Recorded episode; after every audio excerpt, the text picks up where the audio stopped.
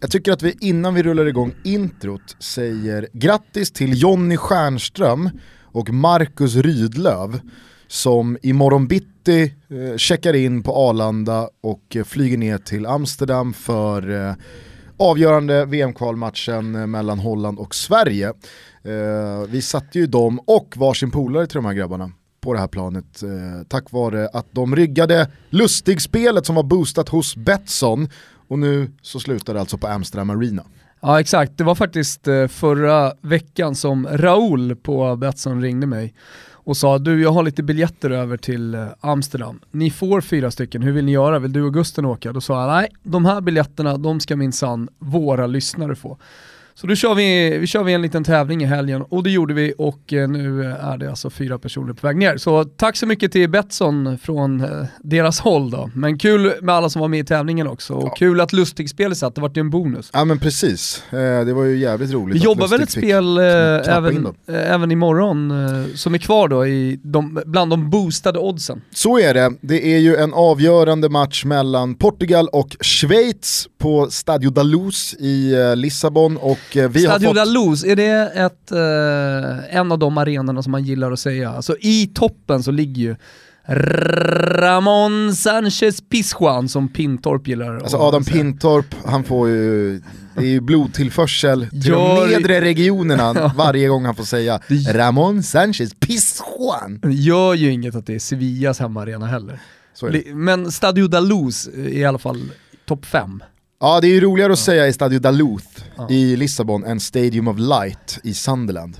Där ska i alla fall eh, Portugal försöka slå tillbaka Schweiz och således vinna sin grupp.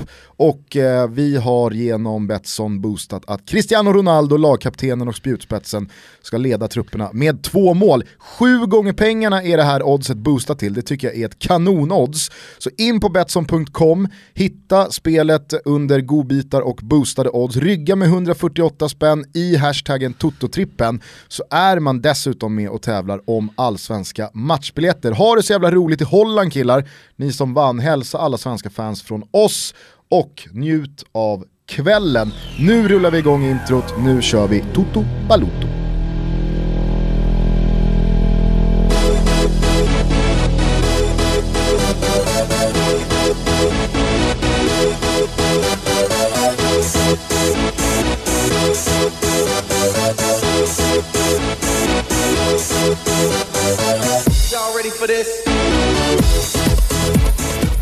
Ska vi börja avsnittet med eh, den stora händelsen i Afrika? Ja, det är alltid svårt att se på Egypten som Afrika. Det finns ju någonting i en som inte kopplar Nordafrika till Afrika. Jag vet inte varför det är så, men jag har alltid haft liksom problem med att eh, känna att Afrika och Egypten hör ja, men ihop. Är inte Egypten också lite vad Rom är för Italien till exempel? Alltså man åker inte till Italien, man åker till Rom. Alltså London är ju också där. Alltså, du, åker, du åker inte riktigt till England, du åker till London för att London är större än, än England så att säga. Liksom att Rom nästan är större än, än Italien på, no, på något sätt. Med jo. sin historia och, och allt. Man kan väl säga också som så att det kanske är mer adekvata saker att säga när det handlar om en stad i ett land, i det här fallet Rom i Italien eller London i England. Afrika får ju ofta lida för att man buntar ihop en enorm världsdel och pratar om det som att det är buntar ett litet land. Ihop. Ja men det är så här, I mean, Egypten är Egypten, det är inte Afrika, som att Afrika då skulle vara liksom, Resten av Afrika, där, där är allt likadant. Ja, men jag vet, jag hade samtal med min dotter Stella, de har lite geografi i tvåan. Och de har fortfarande inte riktigt fått uppfattningen om hur stor jorden är, även om de har varit ute och rest lite sådär. Eh, de har börjat förstå, men Afrika är ju fortfarande lite ja, ett land för dem också. Ja. Men, det, det, men vadå, alltså, det, är också, det tycker jag är ganska intressant. Eh, ja, men alltså, så som den vite mannen och västvärlden jo. har kidnappat den kontinenten genom historien så är det inte konstigt att små barn i ett land som Sverige växer upp i villfarelsen om att Afrika är ett land. Ja men Switzerland, Sweden, alltså amerikanare som ser på Europa. Det, det är ju bara för att det låter likadant. Ja, nej inte bara ska jag säga. I fallet alltså. Schweiz-Sverige, jo. Ja, men Sen de- kan jag hålla med dig absolut om att Europa oftast buntas ihop som ett land för ja, men det är en dumma kombination. jänkare. Det är en kombination. Alltså för, för jänkarna så är Europa någonting litet där borta och sen så vet ju de knappt om, det är Pari, om Paris är ett land eller en, en, en stad eh, och, och vart länderna ligger. Men kolla på, kolla på japanerna också som kommer till Europa och gör fyra länder på fyra dagar och då gör man i stort sett två, två städer i det landet på en dag. Jag menar, man, man, man ser ju olika på olika världsdelar. Jag kan tänka mig att man frågar afrikanerna också om, om Europa, så kanske de ser lite på Europa på samma sätt som vi ser på Afrika, eller vi ser, men, men som vi pratar om. Ja, vi får väl se om resten av världen får en lite bättre bild av Afrika som kontinent eller av Egypten som nation. De ska hur som helst spela VM igen för första gången på över 25 år. VM 90. Precis, så att eh, i sommar blir det då 28 år sedan Egypten spelade VM sist.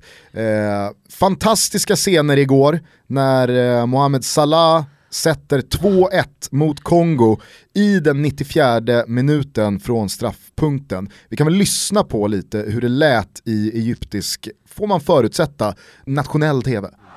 بسم الله الرحمن الرحيم بسم الله الرحمن الرحيم محمد صلاح والدموع محمد صلاح محمد صلاح يا رب يا رب يا صلاح محمد صلاح محمد صلاح وابا الله الله الله يا بلادنا الله الله يا بلادنا الله الله يا بلادنا الله الله يا بلادنا الله الله اكبر الله اكبر الله اكبر الله اكبر Ja, men han kan ju inte hålla tillbaka känslorna. Han, han är ju helt knäckt här. Alltså det, det är ju glädje man också är helt knäckt. Det betyder ju så jävla mycket. Och jag tycker man får lite perspektiv till fotbollen. Alltså om man ska förklara, jag vet att någon skrev in det i vår hashtag igår, men om man ska förklara vad betyder fotbollen egentligen? Eh, vadå, det är bara 11 mot 11 som sparkar på en boll och man ska sparka in den i nät. Det, det, det brukar man ju få höra från de icke-fotbollsintresserade. Man, kanske, man skulle kanske kunna använda sig av då just exakt den här videon. När man, pratar, man kan ha den sparad på telefonen, så när man träffar en sån person som säger att fotboll bara är 11 mot 11 eh, och visa den. För att det här, det här betyder så extremt mycket för en nation på knä som Egypten är. Alltså att, att få en sån här eh, framgång i den största sporten i landet, det, det, det, ja, det, det, går, no, det går inte nog att, eh, att beskriva hur mycket det betyder. Alltså jag menar så här, om Sverige går vidare, det blir ju enorm eufori och vi, vi kan festa i en vecka och vi- kan fira eh, att vi är i VM för första gången på länge. Men det, det kommer ju liksom inte i närheten av detta.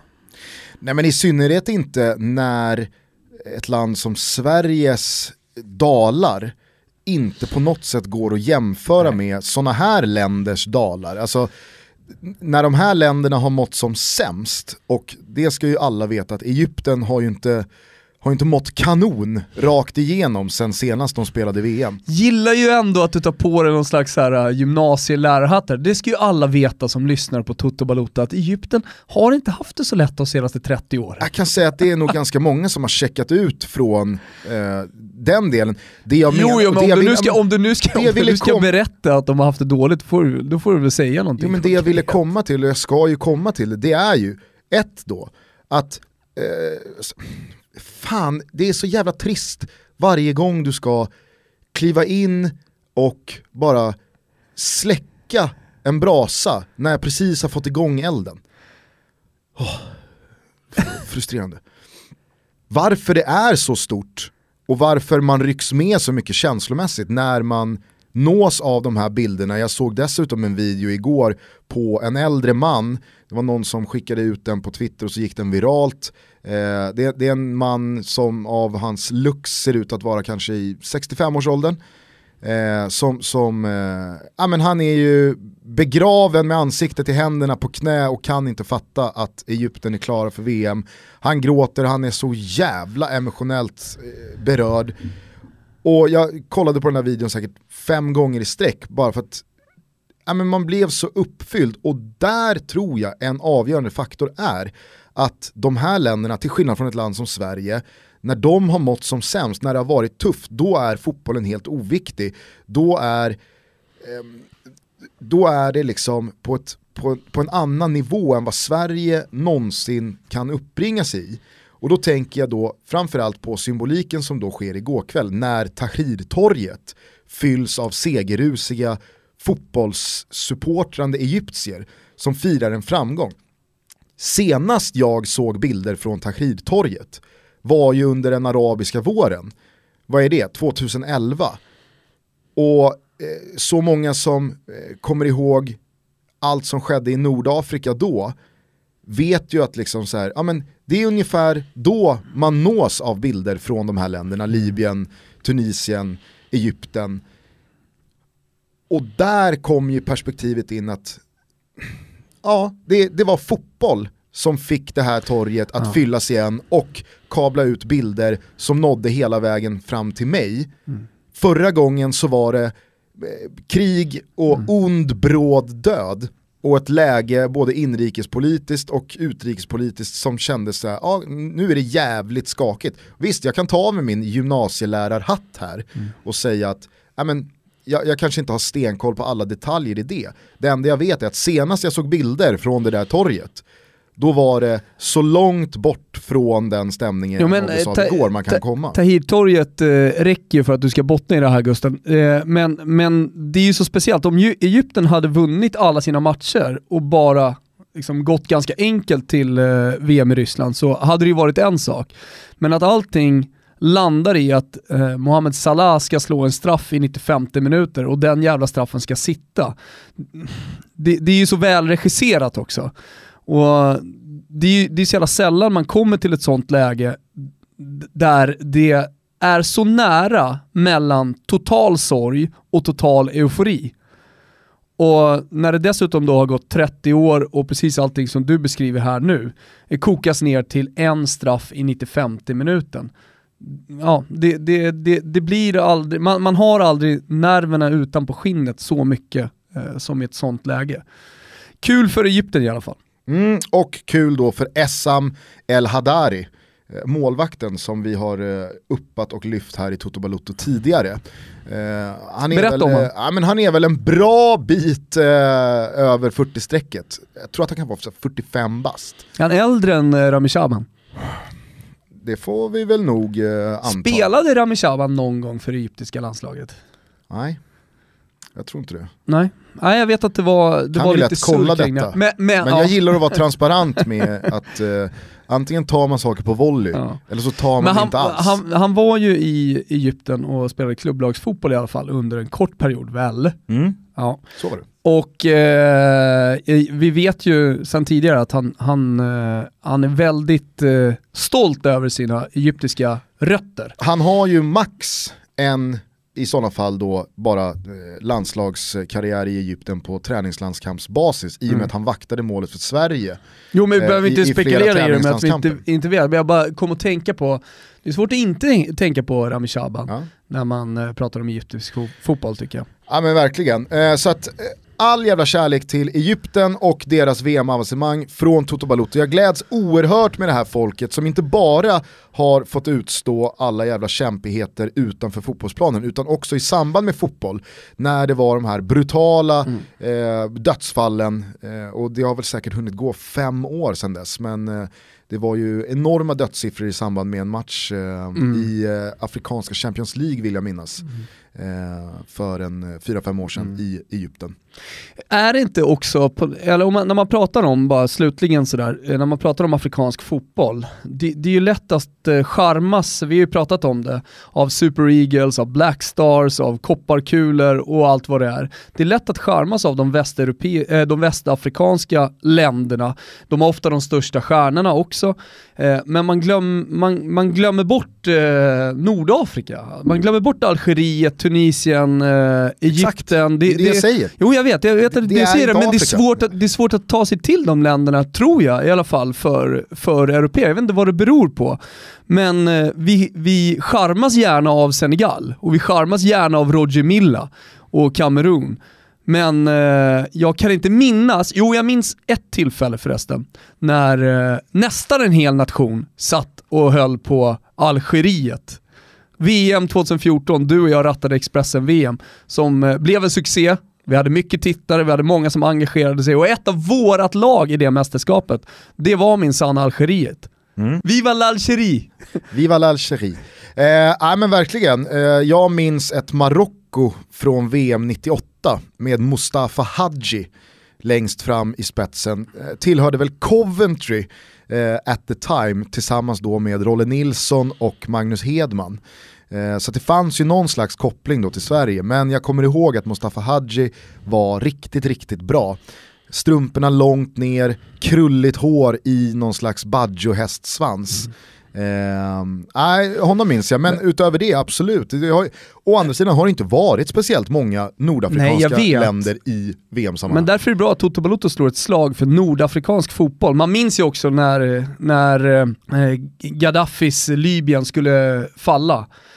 Och det kablades ut bilder då på, på det här kriget som var hemskt, men där det var extremt många som hade fotbollströjor på, på sig. Jag minns eh, en bild med en Totti-tröja, Roma-tröja. Bland annat. Eh, så det är ju en, fotbo en fotbollsgalen del av eh, Afrika som kanske borde få lite mer upprättelse. Mm. Och så extra då grattis till Essam El Hadari som får kröna en enormt lång karriär då med att eh, till slut få spela VM. Men vi ska inte jinxa någonting, det är ju ett halvår kvar till VM sparkar igång och är man 45 bast då, då känns man på förhand lite mer skadebenägen än pigga 22-åringar. Jag är inte 45. Så vi jag... håller tummarna för eh, El Hadari. Jag är inte 45, men jag är 38, men drog i vaden igår i sista veteranmatchen för säsongen. Onödigt. Jag tror många Kanske ömmar för dig att du drog vaden, men det är många som gläds åt att eh, er veteransäsong är över. Det är inte så, så, slipper... det är så att vi har upptagit halva podden med den. Så att vi slipper göra nedslag i dessa sorgliga veteranmatcher på söndagskvällar. Eh, hur som helst, vi är mitt i ett VM-kval. Det är 15 stycken nationer, 14 utöver Egypten, som har kvitterat ut biljetten till Ryssland nästa sommar. Vill du höra dem snabbt? Ja men då ska du dra dem snabbt. Utöver värdnationen Ryssland så har vi då Brasilien, Iran, Japan, Mexiko, Belgien, Sydkorea, Saudiarabien, Tyskland, England, Spanien, Nigeria, Costa Rica och Polen och såklart då Egypten som vi precis pratade om. Eh, om, vi, om vi väljer att fokusera lite på de europeiska länderna Eh, och det europeiska VM-kvalet, vi är ju mitt inne i det. Det här spelas in måndag kväll, ikväll så ska ytterligare eh, länder bli klara, både för eh, VM men också för playoffet och sen så avslutas allting imorgon tisdag då. Så känns det som att eh, vi ska lyfta på hatten till att börja med för Polen. Jävlar vad starka de är alltså. Ja, så otroligt märkligt också att de åkte på den där 4-0-torsken i parken för ett par veckor sedan. Alltså den kom ju från ingenstans den förlusten. Och nu såg vi Danmark, man kan tänka sig att Danmark då har lyft sig. Ja det har de gjort, de är obesegrade under 2017 om jag inte har sett fel. Eh, men, men 4-0, då kändes det ändå lite skakigt. Nu är man vidare, man vinner sin grupp och det är fem poäng ner till Danmark, så att man har gjort det hyfsat överlägset. Och då har man ju också brottats med en del skador. Eh, kanske framförallt på Milik under det här året. Nu är han långtidsskadad igen och vi får väl se om han hinner tillbaks till Han har gjort det bra, men han är inte nyckelspelare på det sättet. Nej, men det är imponerande tycker jag att eh, det finns länder, i det här fallet Polen, som har inte bara bevarat den här gyllene generationen eller vad man ska säga, utan ja, de har en förfinat den. Ja. Alltså de har blivit bättre för varje kval som har gått. Innan inspelningen så var vi inne lite på att Bosnien mm. har gått åt andra hållet. Där fanns det en centrallinje med Begovic i mm. mål, Spahic där bak, Pjanic på mittfältet och Dzeko på anfallssidan. Och, och, där kändes det som att VM i Brasilien, det var liksom startskottet, men man skulle bli bättre och kanske vara som bäst, inte bara förra sommaren utan till VM i Ryssland. Nu så ser eh, Bosnien ut att eh, missa eh, allt vad playoff heter i och med att Grekland har gått om och möter Gibraltar hemma imorgon. Så att eh, ja, Bosnien missar ju det här. Och då, då kan man ju ställa sig frågan då, vad fick de ut av sin gyllene generation. För jag tror ju inte att Begovic, Spahic och Dzeko har speciellt många år till i sig landslagsmässigt. Nej, jag tycker det känns som, eh, inte helt över, men, men i alla fall halvt över för den här bosniska generationen, i alla fall den centrallinjen som du eh, bollar upp här. För om ett år så är det dags för EM-kval, men det är, det är ju ett tag kvar. Det är, det är fortfarande tre år innan det eh, Europamästerskapet ska spelas. Så, så Bosnien är verkligen på väg ut för. Och samtidigt då, om man kollar på Balkanländerna så är Serbien på gång och ser ut att, att ta sig via en direktplats till, eh, till VM. Eh, vi har ett Kroatien som alltid är starka. Alltså nu, nu har Bosnien ganska tydligt hamnat i alla fall på en tredje plats. Jag skulle kunna tänka mig att Slovenien med många bra spelare jag ska inte säga att de är lite på gång, men de är i alla fall snart på samma nivå som Bosnien om man nu ska ranka Balkanländerna. Mm. Men på tal då om Polen så har ju de kryddat det undret som var, liksom, eller undret, men den generationen som var Lewandowski, Kuba, eh, de hade Kamil Glick där bak och eh, Artur Boruts i mål. Mm. Eh, och de skulle ha hemma-EM och det kändes som att nu jävlar så pikar Polen. Men sen dess så känns det som att Polen bara har blivit bättre och bättre och bättre. Man har fyllt på då med eh, Zielinski, eh, du har Milik, mm. eh, Kamil Grosicki har mm. kommit in från eh, Rennes B-lag och på bara två-tre säsonger blivit superbra. Piszek mm. har hängt i, han trodde man ju skulle liksom gå mm. ut för med hela Dortmund. Men eh, Krychowiak har ju också vuxit fram, även fast han har gått lite tungt klubblagsmässigt jo, senaste ett och ett halvt men är fortfarande en riktigt bra spelare. Ja, men och Kamil Glick, det är också en sån här spelare som, han blir inte sämre för varje år som går. Nej. Snarare tvärtom. Så att, eh, jag tycker att Polen har gjort det otroligt jävla bra. Bollar upp ehm. Polen som en intressant outsider inför VM i Ryssland? En dark horse. En dark horse. Nej, men jag tycker i alla fall att Polen, eh, alltså Polen har gjort det självmant jävligt bra. Mm. Du har ju andra gruppsegrare som har kvalificerat sig från Europa som kanske inte har imponerat på något sätt. Till exempel då England. De har stått för ett oerhört rörigt och märkligt kval. Alla kommer ihåg hur det började med då Big Sam som eh, tillträdde som förbundskapten, fick sparken för någon eh, mm. jävligt skum eh, härva med tredjepartsägande och eh, dolda kameran-intervju. Gareth Southgate klev in som någon slags interimtränare, fick jobbet på heltid. Många märkliga trupputtagningar, svaga prestationer, det har varit 1-0 och det har varit 2-0 och den här samlingen, ja, Harry Kane avgör i 95 Alltså, å, andra sidan, å andra sidan så ska ett kval bara tas igenom. Så är det ju. Många gånger tidigare så, så har starka världsmästarnationer haft det tufft i kval. Mm. Ja men verkligen, och jag menar, får man välja då går man ju hellre till ett mästerskap eh, och, och det jo, har sett dåligt ut under kvalet. Det kan hända så jävla mycket på kort tid och sen handlar det om att få allting mycket... att stämma precis under de två, tre veckorna. Ja. Och jag vet faktiskt inte hur mycket man liksom behöver Landslagsfotbollen är ju så speciell. Ja, exakt, det, det, det, är så mycket mer resultat. Jag menar, vi satt ju med Axén och pratade form. om det också. Det, det, det, går liksom inte att jämföra med klubblagsfotbollen. Det är ett lag idag eh, och om ett halvår så kan det se helt annorlunda ut. Eh, en anmärkningsvärd eh, resa i, i det här kvalet, eh, framförallt under den här kvalhösten, det är ju Kroatien som hade gruppsegen i grupp I i sin hand, men efter att bara ha tagit fyra poäng på de sista fyra matcherna så ligger man nu eh, tvåa i gruppen och man avslutar ikväll borta mot Ukraina som ligger på samma poängantal, nämligen mm. 17 på tredje plats. Så att eh, om Ukraina vinner idag, ja, då hamnar Kroatien eh, utanför eh, andra platsen och man mm. är just nu ändå sämsta tvåa. Mm. Eh, vilket innebär att man ligger otroligt pyrt till. Eh, och det här gör man alltså efter att ha i princip säkrat gruppsegen i, i våras. Men man torskar mot Island, man torskar mot Turkiet och senast då så kryssar man mot Finland samtidigt som det isländska undret bara fortsätter att trumma på. Ja och, och nu bytte man ju förbundskapten också i Kroatien inför den här sista matchen. Så man, man försöker göra allt, i alla fall på kort sikt, eh, för att bara eh, greppa sig fast och ta den här sista platsen. Jo, var det inte, såg det inte likadant ut, eh, eller minns jag helt galet nu, blandar jag ihop nationerna här, gjorde man inte en liknande grej inför EM i Frankrike? Jo. Alltså bytte förbundskapten, ja inför de sista matcherna, någonting liknande. Med Kovacs. Ja just det, så var det ja. Nu var det ju då han som ersatte då, Ante Kacic. Ja Nu Det fick var han han som fick kicken nu. Alltså, han har ju varit med om den här situationen på båda sidor nu. Han kanske föreslog den själv. Kanske, det gick ju bra sist. Nej men eh, jag vet inte hur mycket man ska Fan. landa i att prisa Island eller att basha Kroatien. Men Alltså- det är ju anmärkningsvärt att Kroatien med det laget man har, för det är ett par riktig, riktiga jävla toppspelare Mm. i det där laget. Och då vet ju alla då att vi syftar på eh, Modric, eh, Kovacic, eh, Perisic, Mandzukic. Alltså det finns ju hur många som helst. Kalinic och så vidare, han är skadad nu. Men, men när vi pratar om Balkanfotbollen så måste ju ändå Kroatien nämnas, alltså på tal om gyllene generationer och så vidare också. Jag hade jättestora förväntningar på Kroatien i EM. Jag var ju kollade på den här första matchen mot, mot eh, Turkiet och det löstes ju till slut där i den matchen tack vare en fantastisk Modric, men det var uddlöst.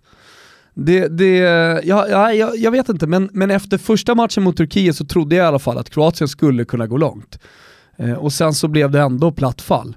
Det, det känns som att Kroatien har så jävla mycket mer i sig, borde kunna få ut mycket mer av sitt spel. Men återigen alltså, håller man på och byter förbundskaptener på det här sättet, då får man aldrig någon balans, du får aldrig någon harmoni. Eh, och ja, jag, tror, jag tror att man, eh, man tappar på både kort och lång sikt om man håller på och hattar för mycket. Samtidigt som man inte kan komma ifrån att Island är på riktigt. Och de är så jävla på riktigt. Ja, ja, och där har du ju en generation spelare som det blir tufft att ta sig vidare från sen. Alltså med tanke på de höjderna de har eh, nått. Dels då eh, segern över England i EM och hela den resan som eh, ja, hela världen stod stilla för.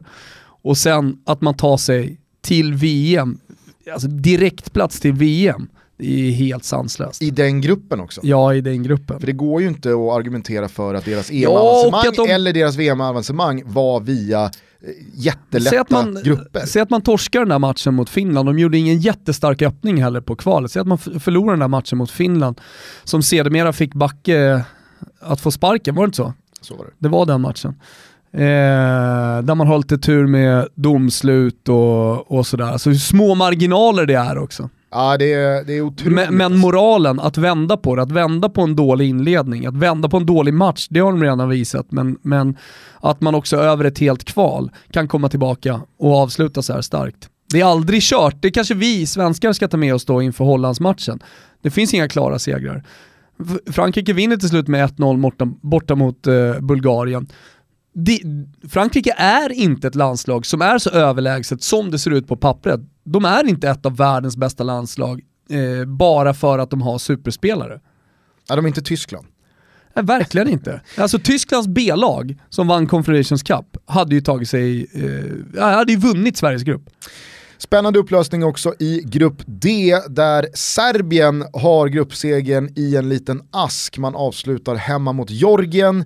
Där eh, ska det vara väldigt goda möjligheter för seger och således gruppseger. Men kampen om andra platsen, ja det blir ju ett oerhört intressant slag ikväll då mellan Wales och Irland. Det här kallade Kristoffer Kviborg för ett eh, brittiskt derby i gårdagens VM-kvalsändningar. Philip O'Connor blev ju tokig! Irländare är ju inga jävla britter. Nej, det var precis eh, som när du kallade protestanter för kristna, att det var ett krig mellan kristna och katoli- katoliker sist. Alltså vissa ömma tår finns det. Jag kan säga så här, jag läste Top Dog Olofs fråga Jag vet, ordagrant jag vet. och jag tror att många förstod att frågan till Micke Lustig om eh, den religiösa rivaliteten mellan Celtic och Rangers givetvis kretsade kring katoliker och protestanter. Eh, men skyll på Top Dog Olof. Eh, ja, men, eh, ett lag man också ska nämna i grupp D, det är Österrike, som såg så jävla självklara ut i EM-kvalet. Floppade lite rätt ut i mästerskapet och nu alltså omöjligen inte ens kan bli topp tre i Och den här vinner, gruppen. Och då vinner man ändå mot Serbien hemma. Ja. Typiskt också att det är Arnautovic eh, som, som avgör. Vad Men är det som händer med dina landsmän? de är inte bättre än så här. Och jag tror att återigen, eh, det är så jävla viktigt att ha kontinuitet, att ha en trygg, eh, spelidé, alla vet vad de ska göra. Alltså om det är någonting som Jan Andersson har skapat så är det just det. Alltså det ser ju tryggt ut när Sverige spelar, oavsett vilken match det är. Bulgarien kanske är ett undantag, men, men jag tycker över hela det här kvalet, även om vi har lidit lite i vissa matcher, så, så har man sett en ganska tydlig idé. Alltså, se Ola Toivonen senast, då kommer jag tillbaka till Sveriges matcher, men kolla på Ola Toivonen senast. För ett år sedan så var det ingen som trodde att han skulle vara delaktig i någon slags halvsuccé för det svenska landslaget. Alltså Ola Toivonen, han satt i frysboxar, han har gjort sitt, han börjar närma sig 30-strecket. Petad i EM-truppen. Petad i EM-truppen och eh, petad i klubblaget. Alltså, eh, som sagt, det fanns ingen som trodde på Ola Toivonen. När Isak Kiese kom med i truppen så var det många som ville ha mer formstarka spelare med. Men Janne visar ju där att det är, den här, det, det, är det här sättet jag vill spela på, det är de här alternativen jag vill ha på bänken, de här jag vill ha på planen. Kolla på Toivonen, förutom assist och mål, visserligen mot hyfsat mediokert motstånd Luxemburg, men även i andra matcher. Otroligt bra targetspelare. Passar perfekt ihop med Marcus Berg, känner Marcus Berg dessutom också. Han har, han är, han ident, identifierat exakt det här, att de två passar väldigt bra tillsammans. Mm. Och du, då kommer man in på det här att fotboll är ett lagspel och det är så mycket mer än bara individuellt, eh, individuell skicklighet. Alltså, jag, jag, tycker verkligen att Sverige är ett eh, lysande exempel på det och kanske då är Frankrike, Argentina, Österrike, finns många andra länder som är exempel på att eh, när, när det inte funkar, när det finns individuell skicklighet, till och med i kvadrat, Argentina, de har inte lyckats göra mål på hur många matcher nu? Kan det vara fyra? Ja, och han, han håller på och försöker hit och dit och man, man gnäller lite på hur kan han inte ens ha med Iguain i truppen. Men det hade inte funkat med Iguain heller, för det har inte funkat tidigare med Iguain. Alltså det handlar inte om det. Det handlar om att Argentina inte har ett sätt att spela fotboll. De spelar inte som ett lag, de har inte självförtroende eh, och eh, det, ja, det, det landar ju till slut på den yttersta ansvariga och det är förbundskaptenen. Men man kan verkligen ifrågasätta San Paulis matchcoachning när man då senast har 0-0 och sliter och inte byter in vare sig Dybala eller Icardi. Nej. Då undrar man, alltså, Gago här, kommer in va? Gago, och drar korsbandet. Gago kommer in och drar korsbandet istället. Mm. Han ska äh, det, det, det, får man ge Gago ändå. Nej, jag vet inte, såg du det när han sitter på sidlinjen?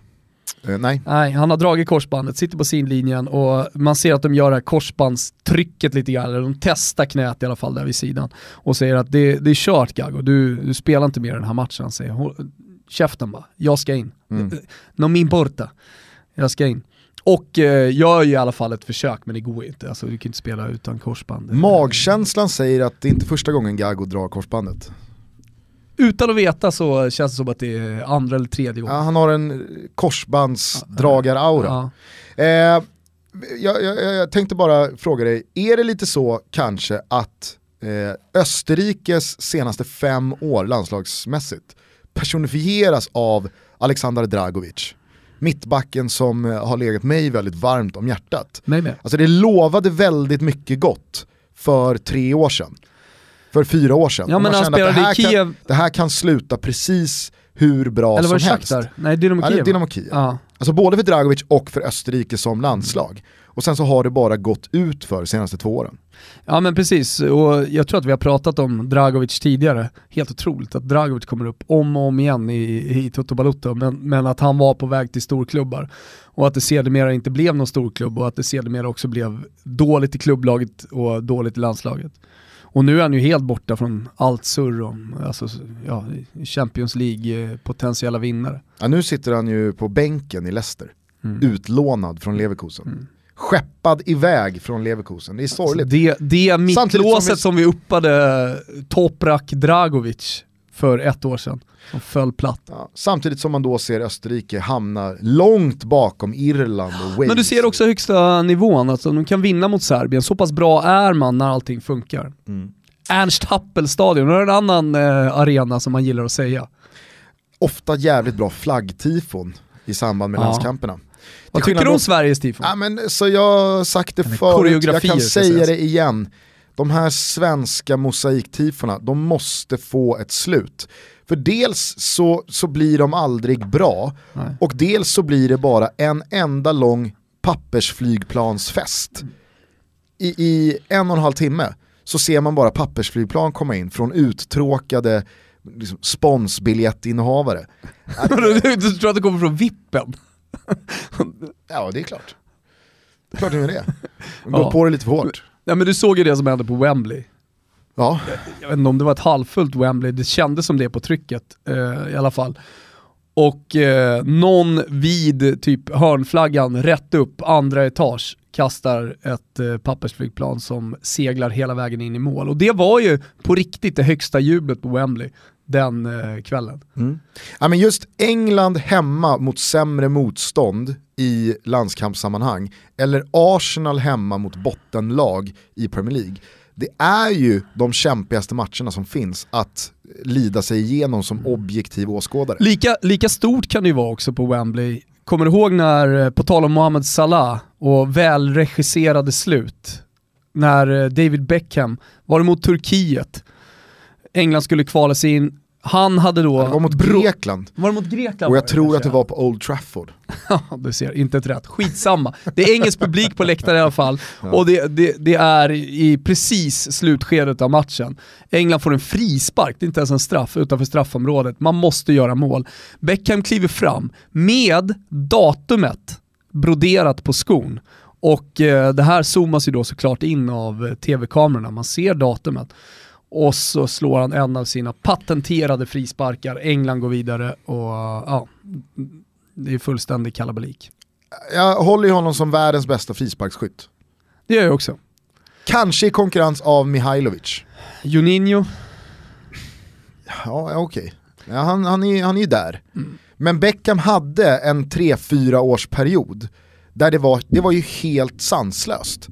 Hur han bara borrade in dem. Han vred och vände dem också på ett sätt som, alltså Juninho slog ju frisparkarna så att det var hopplöst för målvakterna. men han slog ju visste- frisparkarna framförallt på ett nytt sätt. Ja, han hade- exakt. Och målvakterna visste inte vart ska den här bollen wobbla in. Det är Juninho så- man idag efterhärmar. Ja, det men som, sen så tog eh, Pirlo och Cristiano Ronaldo, de tog ju över de här wobbelskotten. och har ju också sagt, i alla fall Pillo i intervjuer, att han studerade Juninho. Ja.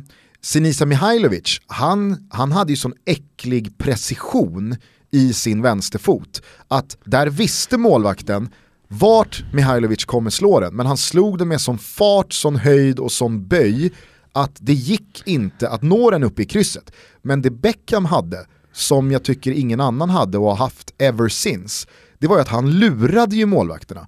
Han fick ju ofta målvakterna att stå på fel ben på väg till vänster när bollen sitter till höger, eller tvärtom.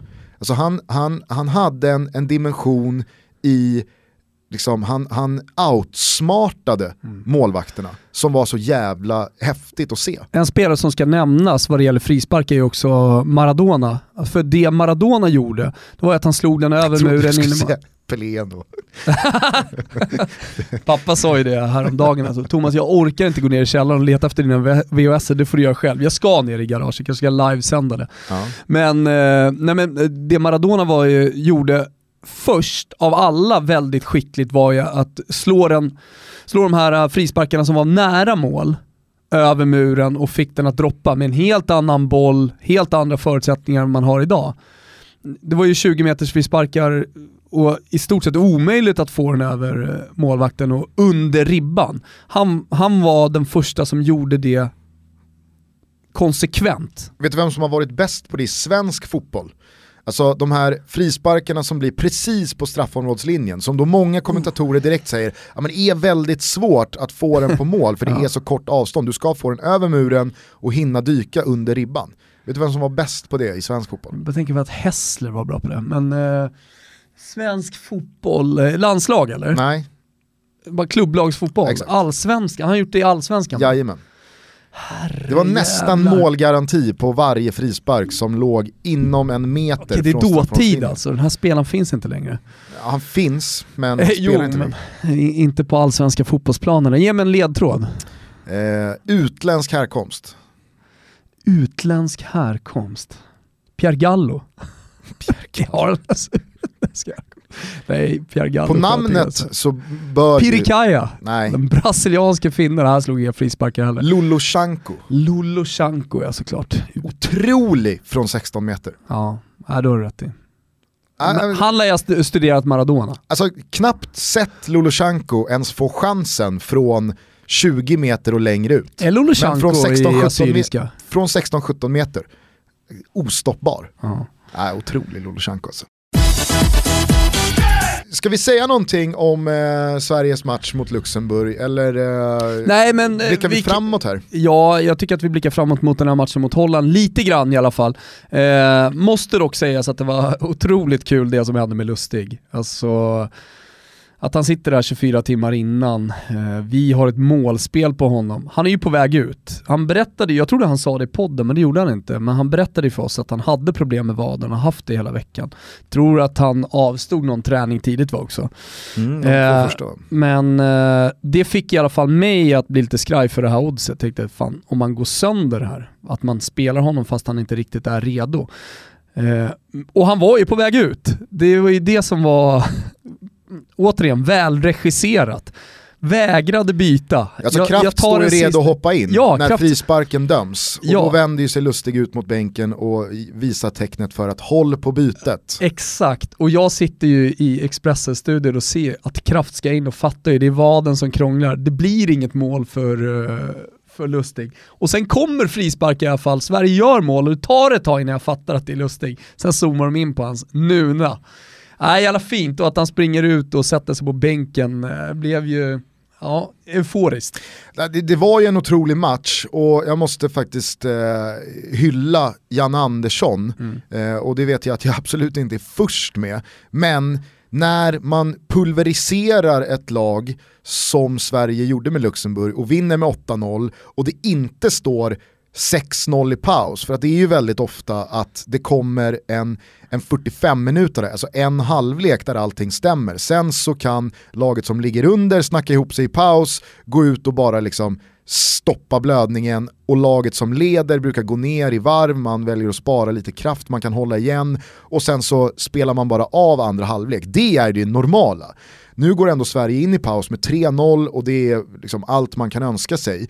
Men ändå så går man ut och fortsätter köra på taktiskt, metodiskt. Det fanns ju ingen liksom det fanns ju inget risktagande i Sveriges andra halvlek. Utan det var bara liksom 45 minuter av ja, men, me- metodiskt superväl genomförda eh, liksom matchplaner. Och eh, eh, sen, så, sen så vill jag ju ändå liksom påstå att den resan Sverige får målmässigt är ju otroligt välkommen. Att man får 1-0 så tidigt Exakt vad jag genom en säga. straff och att 2-0 kommer tight in på det. Det är ju det blir som borgar för att det här rinner iväg till slut. Ja, men jag sen- såg väldigt många, och jag skrev det på Twitter också efteråt, att jag tyckte det var liksom så här, lite för många som gjorde sig så märkligt dumma över att hur kan Frankrike spela 0-0 mot här Luxemburg? Om man inte såg den matchen, då kan jag förstå att man så här, inte fattar någonting. Men såg man Luxemburg eh, matchen, alltså den mot Frankrike, så ser du ju också ett Frankrike som de kan också få 1-0 efter sex minuter. Mm. Ja, men det är dynamiken i fotboll. Exakt. Och det är precis samma i andra halvlek. Eh, Det gick fem minuter och så sa jag, fan ska det, ska det stagnera nu? Ska det inte bli fler mål? Man hade ju förväntat sig mer, då har det gått fem minuter. Man blir girig när man Ja. sitter och kollar på den här typen av matcher. Sen i 51 minuten så kommer målet ändå. Och det, det, det blir liksom flow och rull även i den andra halvleken. Ja, men det är ju de olika komponenterna i, hur- i hur de här matcherna utspelar sig som gör att de skiljer sig väldigt, väldigt mycket åt och har ju ingenting med varandra att göra. Det här tänket med att aha, lag A slog lag B och lag B slog lag C, alltså måste lag A vara bättre än lag C. Jag har aldrig riktigt förstått det är hur man ens kan som har tänka. gjort, nej men det är ju lite, alltså jag, så jag förstår som, att man kan så göra som det lät i det. lördagskväll Ja. så var det väldigt liksom så här, men man, man ser väl matcherna. Alltså spela, spela, Sen om man spela gör sig om, lustig över det, det spela ju om en annan Sverige sak. Luxemburg tio gånger så slutar det ju inte 8-0 en gång till. Nej, utan- liksom att första matchen inte slutar 1-0, utan den slutar säkert eh, då i snitt 3-4-0. ja, spela om Frankrike-Luxemburg tio Ja. gånger slutar ju inte den Nej. 0-0 en gång till. Men sen, sen tycker jag att det är lite roligt när man gör sig lustig över det. Alltså som man har gjort med Östersund här nu efter deras öppning, att eh, de borde ligga där och där i Bundesliga och bättre än Bayern München och så vidare. Tycker du det är lustigt? Ja, men det, det, det kan jag tycka är lite roligt ibland. Om man nu hittar några... Jag tycker det är uselt. Men uselt, är, om man, om man, ja, då tycker jag att det är tråkigt skämt. Ja. ja. Ja, men, eh, men om man nu hittar, om man pinpointa några sådana här resultat så, så, så kan det vara lite roligt. Jag vill i alla fall lyfta fram Jan Andersson Fan och hans, på hugget liksom. och hans noggrannhet, för det är det som borgar för att det här till slut blir 8-0 och en säkrad playoffplats redan i den här matchen. För hade inte Janne varit så metodisk och noggrann som han är så är jag helt säker på att Sverige, precis som alla andra eh, normala fotbollslag, hade stannat av i Men paus. det handlar ju inte bara om att vara metodisk och, och noggrann. Eh, Här, här handlar det om ett ledarskap. Eh, Det, det, handlar, det handlar om att skapa den här gruppdynamiken som man har gjort. Alltså det är ju så mycket så, som borgar för att Sverige ska kunna vinna den här matchen stort. Eh, Amsterdam Arena är skådeplatsen imorgon. Sverige har råd att förlora med sex mål. Blir ju intressant att se vad Janne väljer för eh, inställning till den här Helt matchen. 100% övertygad om att Sverige går för segern. Ja det tror jag också. Det tror jag verkligen Sen exakt hur, matchplan, hur, hur matchplanen ser ut för att göra det. För vi kommer ihåg från Friends Arena, nu var ju det en tidig match med Janne Andersson, men eh, då var det skakigt mot Holland. Holland var det bättre laget. Mm. Det som känns skönt det är ju att man vet ju att eh, majoriteten av de holländska spelarna, de har ju redan gett upp. Det är ingen där som tror på det. Nej, men du vet vad som kan förändra det. Ett tidigt mål för Holland. Ja, å andra sidan Alltså så så är här, det... det, överlev, det, men det överlev 20-25 Ja. minuter mot Holland så lovar jag att just det där du säger, Överlev. motivation, ja, ändå. Ja. Alltså för jag tror, jag tror att de, de, offensiv kraft finns ju för fan i Holland, Jo, trots alltså- allt. De har en hel arena bakom sig, de kommer gå sån jäv, på sån jävla offensiv. Mm. Så jag säger, överlev 20-25 minuter, så ha, se till att ha 0-0, så ska du se att den där motivationen, eller omotivationen, icke-motivationen som du pratar om, Mm. kommer att leta sig in i det holländska laget. Och det kommer leda till att Sverige kommer få sina chanser att, eh, att vinna den här matchen. Om det står 0-0 efter en kvart, säg 20 minuter då, Mm. som det stinker rött kort på Robben då. Ja, Helvete vad det stinker rött kort Ja. på Robben då. Eh, men en match man verkligen drar sig till minnes och kommer ihåg här, där ett lag hade möjligheten att välja olika ingångar till matchen, det är ju då Barcelona-PSG. Där PSG har en fyra måls torsk att gå på.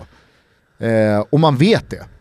Men man går ut och släpper in 1-0 men- efter en och en halv minut. Ja, men du, du har ungefär samma situation här just nu. Två länder som, som eh, kan jämföras alltså kvalitetsmässigt om man sätter länderna mot varandra.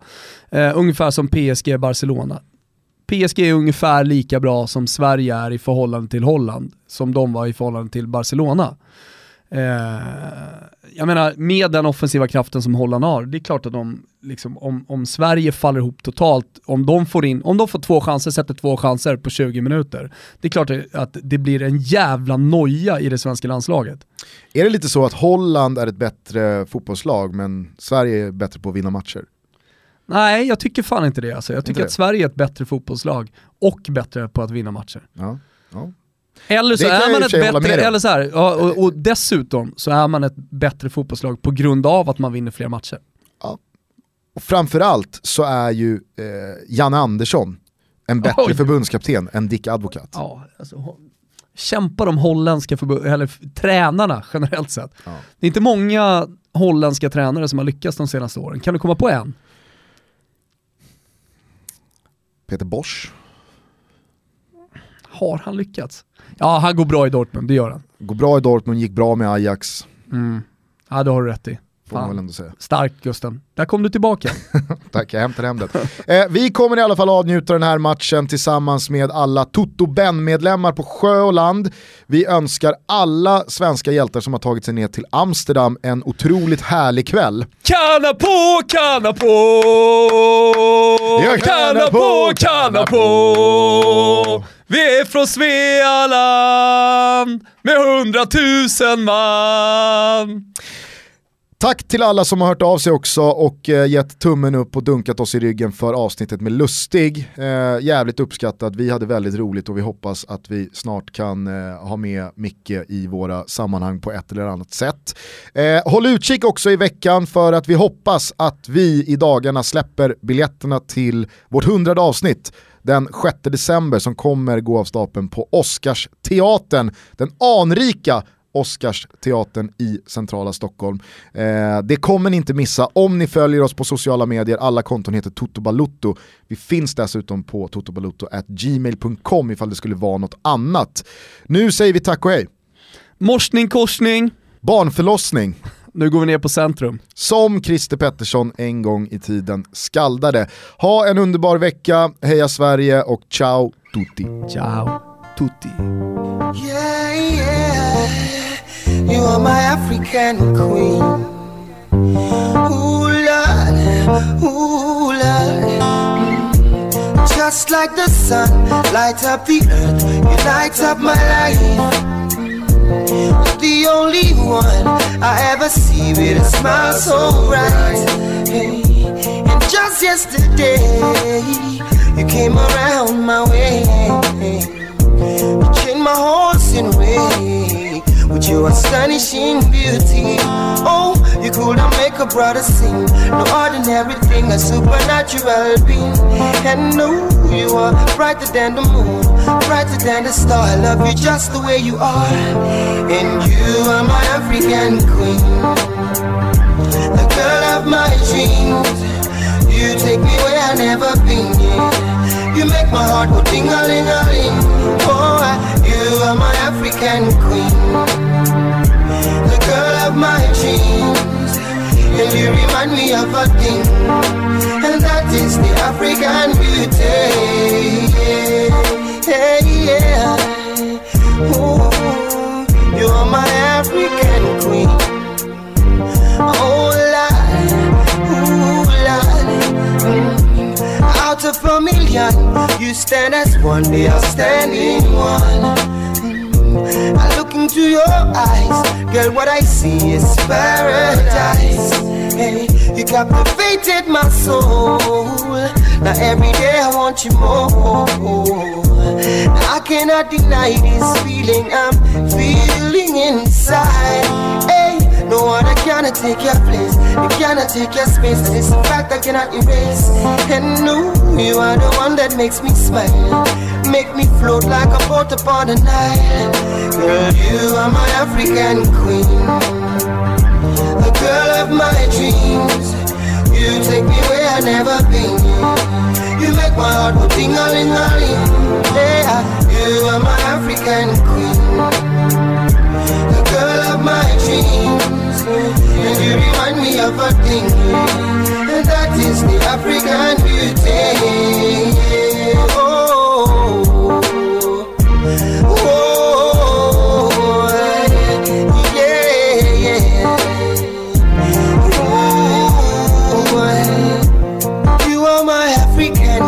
and I know, oh yes, I know.